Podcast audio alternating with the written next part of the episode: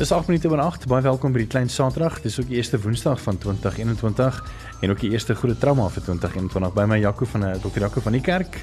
Hy is ehm um, direkteur van die Mont Montana net 24 trauma eenheid sien hy was baie lank vakansie. baie kort lank vakansie. En hy het ook sy praktyk daar in Montana, Jaco.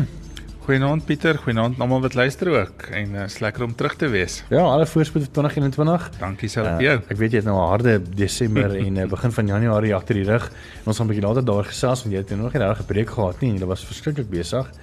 Ehm um, gelukkig nie vir mense wat dronk bestuur die meer nie, maar jy's vir COVID-19 gevalle. Nee, kyk, ons was regtig besig ehm um, veral hier van die middel van Desember af Ehm um, en ek dink die, die meeste mense op die strande, die polisie ontduik het, het ek uh, probeer om COVID vergaderings te ontduik, jy weet. So ek dink ehm um, ons het 'n lekker pret gehad veral die laaste helfte van Desember het dit begin optel en ek dink ek het tot net skuins voor middernag op Nuwejaarsaand nog moeilikheid uitgesorteer in die trauma eenheid, jy weet. So dit ehm um, dit het nog regtig vinnig opgetel ewe skielik en dit lyk vir my ehm um, dit gaan nog rukkie by ons wees. Ja was daar 'n groot verskil van want ek, ek sien daar was 'n artikel gewees van uh, Baragwana Hospitaal wat letterlik op die 1 Januarie die stilste aand gehad het ooit in die geskiedenis van die hospitaal en ek neem nou maar aan dit is omdat mense nou nie kon uh, drink en bestuur een nie hulle kon drink 'n partytjie hou nie en die meer nie. Ehm um, was dit buite besonder stil vir julle gewees ook as mens kyk na uh, die inperkings wat ingestel word deur Cyril Ramaphosa op lockdown level 3? Pieter, ja, ek dink die eerste ding mense moet sê, daar's 'n groot onderskeid dat ek dink mense moet maak tussen die privaat sektor en die en die en die staatssektor. Ehm um, hulle sien baie meer trauma gevalle as ons oor die algemeen. Dis so dis die een ding. Ehm um, maar dit is so ons het ook baie baie minder trauma geassosieerde goed gesien, jy weet en en en nie net regtig um ongelukke nie. Aanrandings ook, jy weet, mense kry mos 'n um, bietjie krag en en um hulle slim en hulle wil vir mekaar verduidelik hoe werk goeders ook. Um as die voggies loop. So um ons het ook nie daai tipe van huismoles en aanrandings en daai laat son dinge baie gesien nie. Um so ja, dit het regtig 'n groot verskil gemaak dink ek aan die beskikbare beddens wat daar was. Ehm um, dit is so en ek dink as mense kyk hier tussen Kersfees en Nuwejaar wat daar wagtye van tot 4 4 tot 6 ure was um, in die area waar ek gewerk het omdat daar net dood eenvoudig nie genoeg beddens was nie. Hmm. So ons het nie agtergekom daar's minder mense nie. Ons het net ehm um, nie regtig trauma gesien nie. 'n Voorbeeld soos vandag wat wat bietjie reënerig is nou vanmiddag. Gewoonlik sal ons 2, 3, 4 ongelukke sien. Ehm um, al is dit net kleinerige tipe van ongelukke en ehm um, daar was net een ehm um, wat 'n groot groot verskil maak ehm um, in in die lading van werk en ook om die mense gehelp te kry want is daar pasiënte lê wat op op hoë vloeisuurstof moet wees of op 'n ventilator klaar lê en hy lê in die ongeval eenheid jy kan hom tog nou nie skuif vir nog ambulans wat inkom nie en die ambulanse staan letterlik tou. Baie keer ek het ehm um, gister wat dinsdag het ek ehm, 'n um, vergadering gehad waar ek toe by die hospitaal aankom, moes ek agter agt ambulanse inval om om by die hek in te kom, jy weet. Ehm um, so dit was regtig nogal 'n groot groot uh, toe toename in in in in gevalle wat COVID aanbetref, maar daar's groot verskil ten opsigte van trauma gevalle ook gewees daarom. Ons het selfs net nou 'n bietjie meer oor die nuwe COVID uh wat die mense het ehm um, die strein strein met die ons naam. ja, ek dink is maar dieselfde familie is net 'n ander lid van die gesin wat nou uitklim, jy weet. so bly geskakel daar vir as enige vrae oor COVID. 0 ons WhatsApp nommer 061 610 4576 onthou standaard tariewe geld. Maar welkom by Groot Trauma, die eerste enetjie van 2021. Ons gesels 'n bietjie oor COVID-19. En dit is nog steeds in die nuus en ek dink is nou uh volgens nuusberigte bietjie erger as die eerste geval en ek het dan vir dokter Jaco van die kerk hier om ons te vertel hoekom dit so is. Jaco as mens kyk na die COVID ehm uh, die in Maart en April laas jaar wat letterlik amper al 'n jaar terug is ehm um, met COVID-19 gevalle. Wat is anders van daai COVID gevalle as die wat nou julle in die hospitaal sien? Pieter, ek dink die eerste ding wat 'n mens kan sê wat 'n verskil is is die duur van mense se hospitaalverblyf. Um mense kan amper sê die gemiddelde verblyf in 'n in die eerste in die eerste vlaag was so tussen 6 en 7 dae. En um ek dink dit het met gemiddeld 3 tot 4 dae opgegaan as mense gaan kyk na hospitalisasie. Um so die die duur van die virus en hoe die hoe lank die mense siek bly word al hoe langer.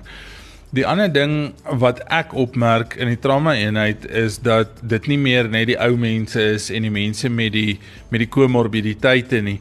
Met ander woorde, jy hoef nie hoë bloeddruk of cholesterol of iets te hê om slegte uitkomste te hê nie. Ehm um, ek het vandag byvoorbeeld 'n 23-jarige dame gesien wat wat wat sleg siek is en wat waarskynlik kan kompliseer. Ehm um, en en dit maak mense half skrikkerig want dit kom so naby aan die huis eintlik as 'n mens dink mense het altyd gedink is dalk net die die ouer generasie of die mense wat immuun onderdruk is, maar dit is eintlik almal van ons wat nou aan aangetast kan word. Ehm um, ek dink nie dit die virus maak kan ek sê meer mense dood as sulks of makliker dood as wat die eerste vlaag gedoen het nie. Ek dink net dit dit dit, dit wil vir my voorkom of dit meer aansteeklik is want ons sien baie gesinne ook inkom. Ehm um, wat ons nie so baie gesien het in die in die eerste vlaag nie. Ons het hulle gesien, maar dat 'n hele gesin byvoorbeeld erg siek is met komplikasies is nogal is nogal 'n ding wat al hoe meer algemeen raak. Ehm um, So ek dink die, die infektiwiteit is waarskynlik meer die die duur van die siekte is meer en hy's baie meer onvoorspelbaar in terme van wie hy gaan aantas ja of nee. Ja, hier is miskien nog buite jou veld, um, maar ek ek weet jy het nogal baie kennis met die jare wat jy al het. Maar hoe gebeur dit dat 'n virus kan muteer en en half anders sy RNA ontwikkel om aan te pas by byvoorbeeld die mens se immuunstelsel? Ja, Pieter, vir 'n virus om om aktief te wees, moet dit letterlik 'n sel penetreer. 'n Virus buite 'n sel is nie 'n lewendige entiteit nie. So jy moet binne in die sel inkom en sodra die viruspartikel binne in die sel is, sal hy dan nou repliseer deur dan nou sy DNA of RNA in hierdie geval te repliseer. En as daar nommer 1 kan daar net foute inkom in die replikasie of die verdubbeling basies van die genetiese materiaal En so kan jy 'n mutasie of 'n verandering op een van die gene kry in hierdie virus. Die ander ding is die virusse is slim. Ehm um, hulle begin agterkom daar is byvoorbeeld middels wat die interleukine wat ons al van van tevore gepraat het onderdruk wat nou gebruik word in hierdie pasiënte. So hulle verander dan net hulle hele meganisme van werking deur byvoorbeeld die manier van bind aan 'n sel te verander en sodoende dan nou weer makliker in die sel te kan inkom. So dis 'n manier vir die virus om ook te oorleef. Dis nie net ons wat wat verander oor tyd om te probeer oorleef by by veranderende omstandighede en die virus probeer dit ook doen. En die enigste manier hoe hy dit kan doen is eintlik om sy genetiese materiaal te verander.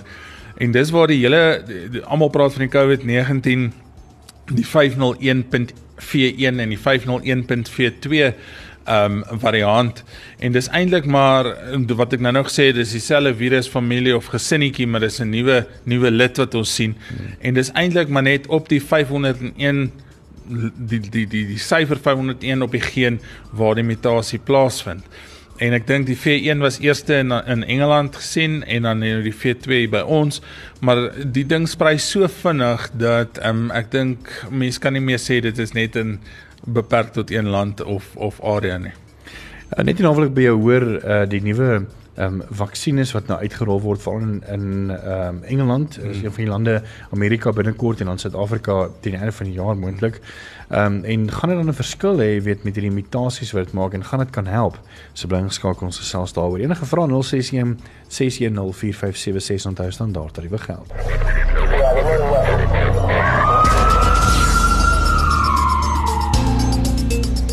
'n bietjie oor COVID-19 en natuurlik die nuwe mutasie wat ehm um, weet almal in die nuus lees oor en meer uh gevalle wat natuurlik opgeneem word en ons ook meer sterftes wat gesien word. Ons het 'n bietjie gesels oor die nuwe mutasie en wat dit beteken.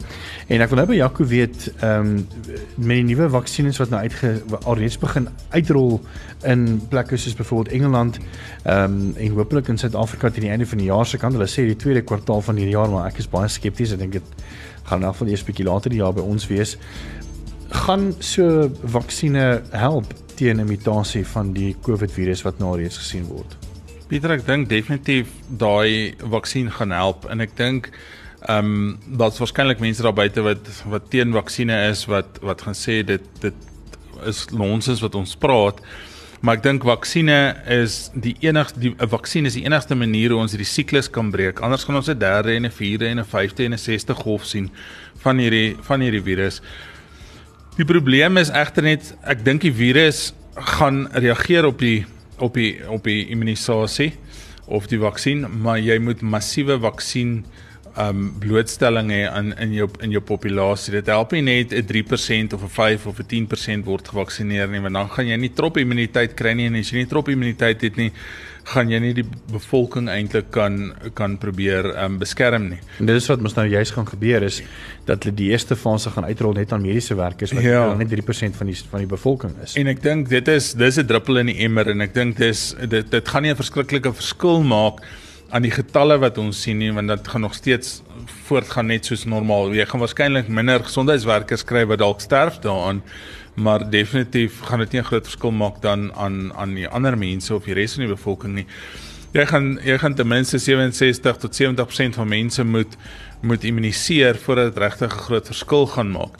En ek dink dit is 'n 'n belangrike ding. Ek sien nou uh, onlangs in die nuus en vandag dat ehm um, die mediese fondse waarskynlik gaan toetree tot hierdie tot hierdie hele vaksin beweging en ek dink dit is ongelooflik belangrik. Ehm um, daar's 'n lys van van siektes en toestande wat hulle die PMB's noem of die prescribed minimum benefits en ek sien dis deel van die van die voorstel dat dit 'n minimum vereiste gaan wees vir ons om daarvoor te betaal.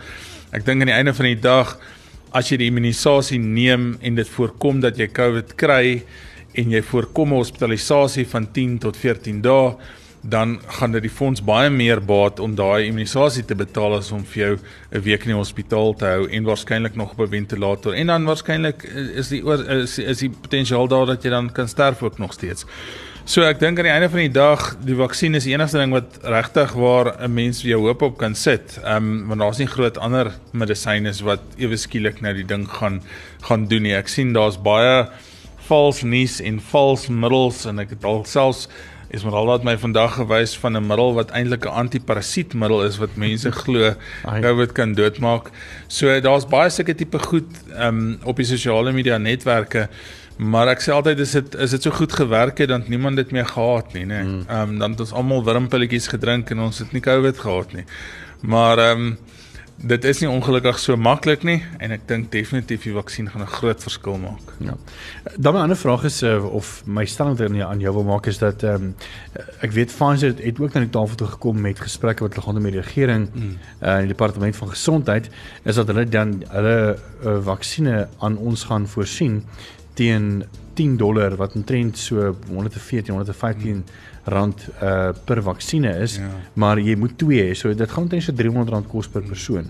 Uh dink jy dit is billik as mens kyk na na vaksines en die pryse van ander vaksines in die in die mark? Nee, definitief. Ek dink is baie baie billik. Ek dink die ouers daar buite wat luister um gaan weet as mense nie net die staatsregime of die staatsprotokol van vaksines volg vir jou kind nie as jy begin met die meningitis immunisasies, as jy begin met die servikale kanker immunisasies, is baie duurder as jou R300. Ehm um, so ek dink is 'n baie billike tarief en ek dink is 'n dis dis regtig maak dit baie bekombaar vir vir 'n groot persentasie van mense. En ek dink vir 'n fonds, ek meen dis nie eens 'n tiende van 'n van 'n 'n dag in 'n ICU nie, né? Ja. So dit is ongelooflik um, in terme van hoe beskikbaar hulle dit eintlik vir die meerderheid van mense um stel. Net hierna wil ek bietjie by Jaco hoor um meer oor die vaksines en ook die hantering daarvan. Ehm um, weet wie wie gaan dit kan kan inspuit? Ek meen dit gaan net dokters kan wees of susters en hoe gaan hulle dan hierdie vaksines ook dan hanteer? Ons weet dan ehm um, dat een van die vaksines wat deur AstraZeneca gemaak is ongelukkig teen -60 en 80 grade Celsius uh vervoer en en gestoor moet word. Gelukkig is die Pfizer ene baie minder en ons wil 'n bietjie hoor weet gaan dit haalbaar wees vir 'n land soos Suid-Afrika waar somers temperature tot 40 tot 45 grade mm, kan ja. styg so bly geskakel daarvoor. Enige vrae 061 610 4576 onthou standaard tariewe geld.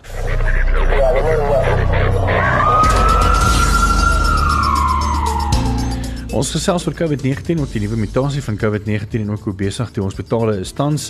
Uh, ons almal weet van die nuwe lo lo lockdown level 3 inperkings wat president Cyril Ramaphosa ook uh, einde laas jaar geïmplementeer het juis om te voorkom dat daar weet baie meer gevalle in ons hospitaal natuurlik oorval word met uh, pasiënte wat natuurlik nou die geval is. Ehm um, Jaco die nuwe vaksines wat nou deur Pfizer gemaak word, um, weet men nog steeds teen baie lae temperature gehou word. Ek dink uh as as ek dit nie mis teen tussen -20 en -10 grade Celsius wat baie minder is as die ene van AstraZeneca. Wat se nadeel kan dit miskien ook wees vir 'n land soos Suid-Afrika wat nogal redelik hoë temperature het, uh infrastruktuur by hospitale, weet, yskaste, gaan hulle kan koud hou en en die meer, jy weet. Ja, Pieter, ek dink mense mense as mense praat van vaksines, dan praat mense ook van die van die koue ketting wat nie gebreek moet word van die produksie tot en met die toediening by die pasiënt nie. En die oomblik wat daai koue ketting gebreek word, verloor die vaksin waarskynlik 'n groot deel van sy effektiwiteit. Ehm um, en dit is 'n probleem want jy kan dit in 'n in 'n fabriek maak onder daai daai omstandighede. Jy kan dit waarskynlik in vragmotors vervoer onder daai omstandighede as jy droë ys of ehm um, goeie verkoelers het. Ehm um, jy kan dit selfs tot op 'n kleinhandel vlak in terme van praktyke en en hospitale en apteke eh, daar kry, maar dit is 'n groot probleem as jy groot volumes van hierdie van hierdie vaksin vervoer en as jy dit oor lang afstande per pad vervoer, is dit definitief 'n groot probleem en en 'n mens weet nie hoe dit um prakties kan werk nie want daar daar gaan waarskynlik hier en daar batches wees wat dalk beskadig kan word deur deur die hoë temperature. Maar ek dink tog dis moontlik is daar moeite gedoen word en ehm um, as dit beskikbaar stel word dink ek is die meeste mense wat in die gesondheidsbedryf is definitief ehm um, bereid om hulle bes te doen om daai koue ketting te hou. Wie kan hierdie ehm um, vaksinerings doen? Uh, is dit maar jou gewone susters by klinieke, uh by apteke wat ook miskien ook nou weet baie van die nuwe apteke het mos nou ook 'n klein kliniek en 'n en 'n suster ja. aan diens. Uh, of is dit maar meer dan vir dokters by trauma eenhede en die meer wat kan vaksines implementeer? Nee, ek dink dit is dis vir vir susters, ehm um, vir klinieke hoe wyer hierdie vaksin versprei kan word, hoe beter. Ehm um, ek weet die anti-vaxxers en die anti-vaksin mense wat glad nie in vaksines glo nie. Um en dis sekerlik hulle reg om nie daaraan te glo nie. Um maar hulle gaan vir sê dit gaan geen verskil maak nie. Ek sê vir jou hoe groter hoe groter die populasie is wat jy kan vaksineer, hoe beter gaan dit wees vir die vir die samelewing en vir die bevolking daar buite. Um ek het 'n interessante kan mense dit noem 'n stukkie ge, gesien nou but say the numbers we are seeing are turning into names and those names are the people you we know. So ek wil net dan vir die mense sê wat teen vaksines is, um as jy jou vrou en jou man of jou kinders gaan verloor van COVID en jy weet jou jou buurman het dalk die vaksin gehad en hulle is almal gesond, hoe gaan jy voel daaroor? Hmm. Um so ek dink definitief Ons is in 'n land waar almal hulle eie keuse kan maak en dit is goed so en dit is reg so. Ehm um, maar jy moet 'n ingeligte besluit neem as jy kies om jou gesin nie te vaksinereer nie want jy kan waarskynlik met met 'n uh, baie seer hart oor 'n paar dae sit en hoe vinniger mense dit besef hoe beter. Um, dit is nie meer net die siek mense wat en die ouer mense en die mense wat immuun onderdruk is of ander siektes het wat wat doodgaan nie. Ons sien al hoe meer jonger mense.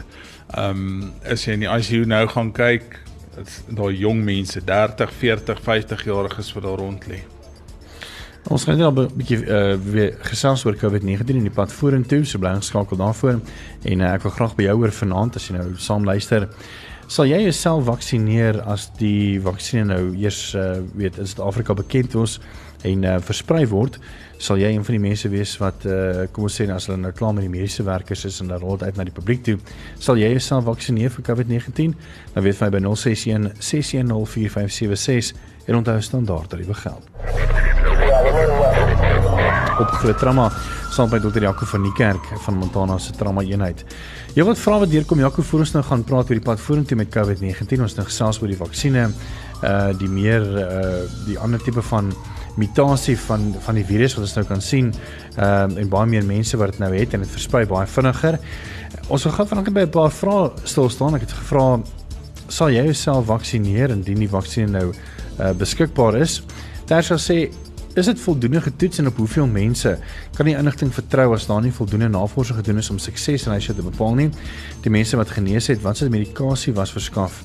Dankie vir die uh, waardevolle program Tersia. Ja, Jaco, hierdie ek meen hierdie is maar buitengewone omstandighede. Ek meen waar vaksines gewoonlik oor 'n paar jaar getoets en uitgerol word en studies gedoen word. Wie was hier nogal baie vinnig. Ja, Pieter, dit is vinnig gedoen. Ehm um, as mens gaan kyk hoeveel geld in die wêreld daarin bloot of of uh, toegewys is en hoeveel mense daaraan gewerk het, ehm um, is dit is dit eintlik relatief in 'n goeie tyd gedoen, maar nie noodwendig so vinnig as wat as wat ons dink nie, want meeste van die ander goeders navorsing deesdae aan medisyne kry maar baie min geld en baie moeilikheid om om vorentoe te gaan. So wat ek wel kan sê as 'n mens in 'n in 'n land is ek ek en ek praat nie van die van die kommunistiese lande nie, maar in meeste van die lande in die wêreld is daar goeie etiese riglyne wat gevolg moet word vir enige medikasie aan mense gegee sal word. Um die Amerikaners is baie lief vir die FDA en die en en en en hierdie klas van dinge. So 'n enstof gaan nie net sommer op mense begin word van die begin af nie van van iemand nou 'n gedagte gekry het hoe om dit te maak nie. Dit gaan deur fases van van toetse. So jy kry jou fase 1, fase 2, fase 3 en fase 4 en jy begin ook nie op mense nie. Jy begin eers proewe doen op die chemie self. Dan gaan jy en kyk hoeveel wat se effek het jy en het jy goeie of slegte effek en dan gaan jy op op uit die aard van die saak soms maar op op dierproewe doen. Jy gaan cellulêre proewe doen in die laboratorium en later eers gaan jy jou mensproewe doen en geen vaksin sal op die mark geplaas word deur 'n internasionaal erkende maatskappy sonder dat dit nie goed nagevors is nie. Um so ja, dit is goed nagevors hoe presies hoeveel mense gaan ek nie vir jou kan sê nie. Ehm um, maar dit moet uit die aard van die saak om deur iets soos die uh, eh, FDA goedgekeur te word, gaan dit moet 'n statisties beduidende hoeveelheid mense wees om ehm um, dan te kan sê dat dit 'n veilige enstof is. So dis die dis die een ding. Ehm um, daar's baie stories daar buite en ongelukkig ehm um, veral die die anti-vaksin mense um versprei redelike klomp, ek wil amper sê 'n lelike woord, maar gemors oor vaksines.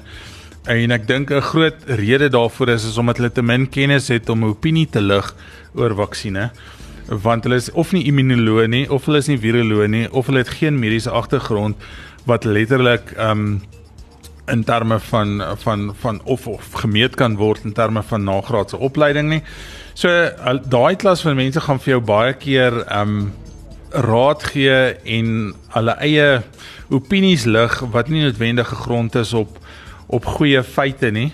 En 'n groot klomp van daai goeters is fopnuus maar jy gaan nie 'n enstof kry wat nie goed getoets is op mense. Veral nie deur 'n bekende maatskappy nie. Hier's 'n baie goeie vraag ehm um, wat kom van Chantel af. Sy wil vra ek weet ons baie fopnuus maar wat se invloed het die enstof op DNA Dink nie die die gedagte agter die immunisasie is om 'n effek te hê op die DNA nie. Ek dink die gedagte agter die immunisasie is om jou eie liggaam se immuunstelsel te stimuleer om antiliggame te maak teen hierdie die virus wat die antigeen is. En dis waar die antigeen antiliggaam reaksie wat mense van praat vandaan kom. So daar's verskeie immunisasies. Ek sien Johan Reder het nou nog vra wat se tipe immunisasie daar's ehm um, daar's aktiewe en passiewe tipe immunisasies afhangend waarvoor jy geïmmuniseer word. Maar die groot ding is ek dink nie die, die verskil kom op die DNA vlak nie. Dit gaan oor jou immuniteitstelsel en hoe jou liggaam gaan reageer in terme van antiliggaamvorming teen dit. Is ek reg om te sê dat ek meen ons het nou al baie programme gehad hieroor en ek nog 'n onderwerp wat nogal vir my nogal baie interessant was is dat ehm um, is is dit waar dat die, die enigste manier hoe mense DNA regtig um, kan verander. Ek meen jy het mos eintlik twee hmm. strande van dieselfde DNA per sel. Ja. So as jy een seer kry, dan dupliseer hy en hy maak hom self volgens die ander enetjie. En die enigste manier om dan daai DNA te alter is dan deur 'n proteïen met die naam Cas9 wat dan hmm. letterlik inkom om sny en dan sny is ja. Seker goed. So vaksines en daai goed het eintlik glad nie so effek nee, uh op die Cas9 proteïen of dan op dan die DNA self. Definitief nie definitief nie. Ja, ek raak nou 'n kenner, ja. Ai man. Trots op myself. Ehm um, dan sê nog iemand hierso, ek gaan nie sommer ek gaan nie name noem nie net om jouself te beskerm. Iemand sê nee, ek sal nie vaks uh, vaksin vat nie. Daar's heeltemal te min studies nog gedoen en wat is die nagevolge van die vaksines oor 'n paar jaar? Niemand weet nie. Ek dink as mens kyk na vaksines, Jaco, was daar gevalle wat vaksines komplikasies gehad het? Ek weet as mens kyk na weet veral anti-vaxxers was hier wat mm. hele debat begin het oor oor vaksinasies was gewees oor 'n studie wat eintlik nie 'n studie was nie wat nee. eintlik eintlik fop nuus was in daai jare, hmm. maar mense het geglo dat vaksines kan 'n mens kind autisme gee byvoorbeeld. Ja, jy weet, as jy in die jaar 2021 nog steeds daarin glo dan um, dan gaan niemand ooit jou van opinie kan laat verander nie. Ja. Ehm um, jy weet mens moet daarom uit die aard van die saak aan die einde van die dag verander oor tyd ook en wetenskap in ag neem en ehm um, dit is definitief nie so dat vaksines of wat wat beskikbaar is in die wêreld langtermyn effekte gaan hê nie. Mense moet ook in ag neem onthou die maatskappye wat nou genoem word is groot internasionale maatskappye. En my vraag altyd is hoekom gaan jy jou hele maatskappy wat miljoene mense se lewe eintlik onderhou wat groot lyne het van hartmedisyne en breinmedisyne en longmedisyne. Hoekom gaan jy jou maatskappy op die op die um spel plaas deur een vaksin wat jy R300 voor gaan kry? Hmm. Jy weet, um so mense wat wat teen vaksines sê ook dis 'n geldmaak ding baie keer. Hier is nie 'n geldmaak ding nie. Ehm um, hulle maak baie meer geld met ander lyne van medikasie. Mm. Dit is letterlik om mense te help en ek dink dit is eintlik half ehm um, ons moet dankie sê vir maatskappye en groot maatskappye wat hulle gewig ingegooi het en baie geld spandeer het om hierdie navorsing te doen. Um om te sê hoeveel na daar's nie genoeg navorsing nie. Die vraag is hoeveel is nie genoeg nie. Um ons kan al klaar honderde studies um aanhaal um wat wat um gedoen is wat dan 'n positiewe effek het. So hoeveel wille mense hê? Wil jy 100 000, 10 000, 100 000? Dit is almal dieselfde ding sê, is die kans relatief skraal dat dit verkeerd is. Ek dink die regering sal ook nie veral vir, vir sy frontline workers ehm um, eerste vaksineer nie. Ek meen as jy ek meen as al ons dokters en frontline workers nou moet doodgaan van 'n vaksines, wie gaan na ons gesondheid kyk? So ek meen dit Dis is al klaar ehm, 'n um, bewys dat dit nogal redelik veilig is, jy weet. Nee, definitief, jy weet. En as, as jy sien wat ons nou sien in die hospitaal waar ek byvoorbeeld is en ek sien die enigste hospitaal in Pretoria wat ehm um, wat dit nou oorkom nie is die hospitaalgroepe begin vir ons 'n mobiele strukture oprig om meer mense buite die hospitale ook te kan behandel met uh, suurstofpunte met ehm um, ablasie geriewe ehm um, lugsirkulasie ehm um, dit is dit is maar ehm um, een van daai van daai goed wat ek wil hê mense moet dink as hulle die die potensiaal het om uit 'n hospitaal uit te bly en uit die dood uit te bly, vat hierdie vaksin en en en moenie so beklei daarteenoor nie. Daar's geen sinisterre rede hoekom die vaksin beskikbaar gestel gaan word nie. Ek sien ons nog heelwat vrae wat deurkom. Ons gaan vinnig 'n breek vat en dan gaan ons gou vinnig nog kyk na so vier uh vrae om dan die aanste uh, groot drama af te sluit. So bly geskakel.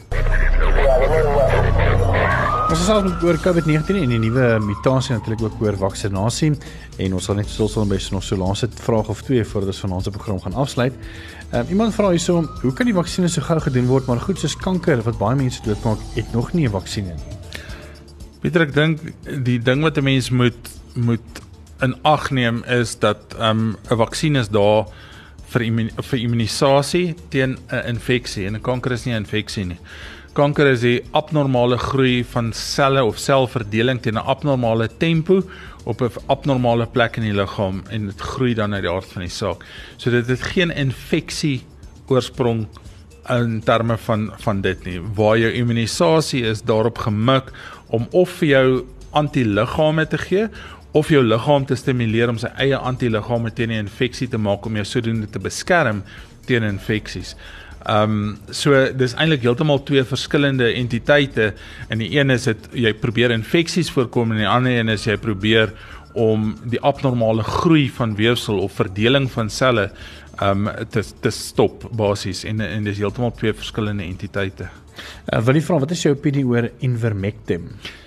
Invermectin is 'n uh, antiparasitêre middel. Ehm um, ek is nie seker of hy in Suid-Afrika beskikbaar is nie, is 'n Amerikaanse produk. Ehm um, wat aan die einde van die dag eintlik 'n antiparasietmiddel is. Ehm um, as jy gaan kyk na die middel, dan is hy deur die FDA goedgekeur as 'n antiparasitêre middel. En weer eens sê ek is as iets so maklik was om die infeksie te voorkom dan en is so goedkoop dan sou die Amerikaners dit ten minste al gebruik het. Ehm um, dit is so goed is om te sê en dit, ek dis, ek weet dit is ook 'n sosiale media ding. Ehm um, waar hulle die, die naam so rondgooi. Maar dis is om te sê jy moet Wilmax drink om die virus weg te kry want dit is eintlik 'n wurmpel en dis presies wat dit is. Ehm um, as dit regtig 'n verskil sou maak, dan sou die Amerikaners dit lankal gebruik het. Ehm um, so nee, ek dink jy daar's regtig ehm um, nut in in hierdie hele antiparasitêre ding nie. En dan net om af te sluit mee, ek sien uh, Johan het vir ons ook 'n boodskap gestuur en gesê wat hy sal nie homself vaksineer nie.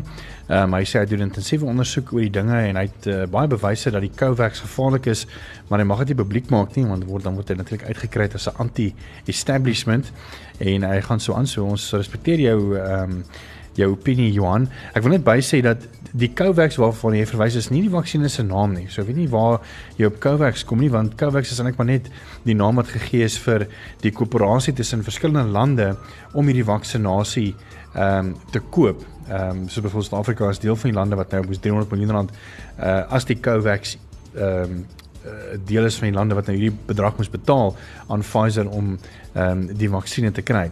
Die vaksinne se naam natuurlik is eintlik maar net hulle noem dit maar net die Pfizer BioNTech COVID-19 vaksinne. Ehm um, en dit is 'n mRNA tipe ding. Ek meen as jy nou regtig sy wetenskaplike naam wil hê, dis BNT 162B2 en dit word natuurlik vervaardig deur Pfizer en BioNTech. Jakob baie dankie vir vanaand se insiggewende gesprek oor COVID-19. Dankie dat jy ook by die huis en waar kon jy jouself bevind saamgesels oor COVID-19. Uh wees veilig daar buite, saniteer, was jou hande, goeie higiëne en hou daai sosiale afstand. Baie dankie Pieter. Groot FM.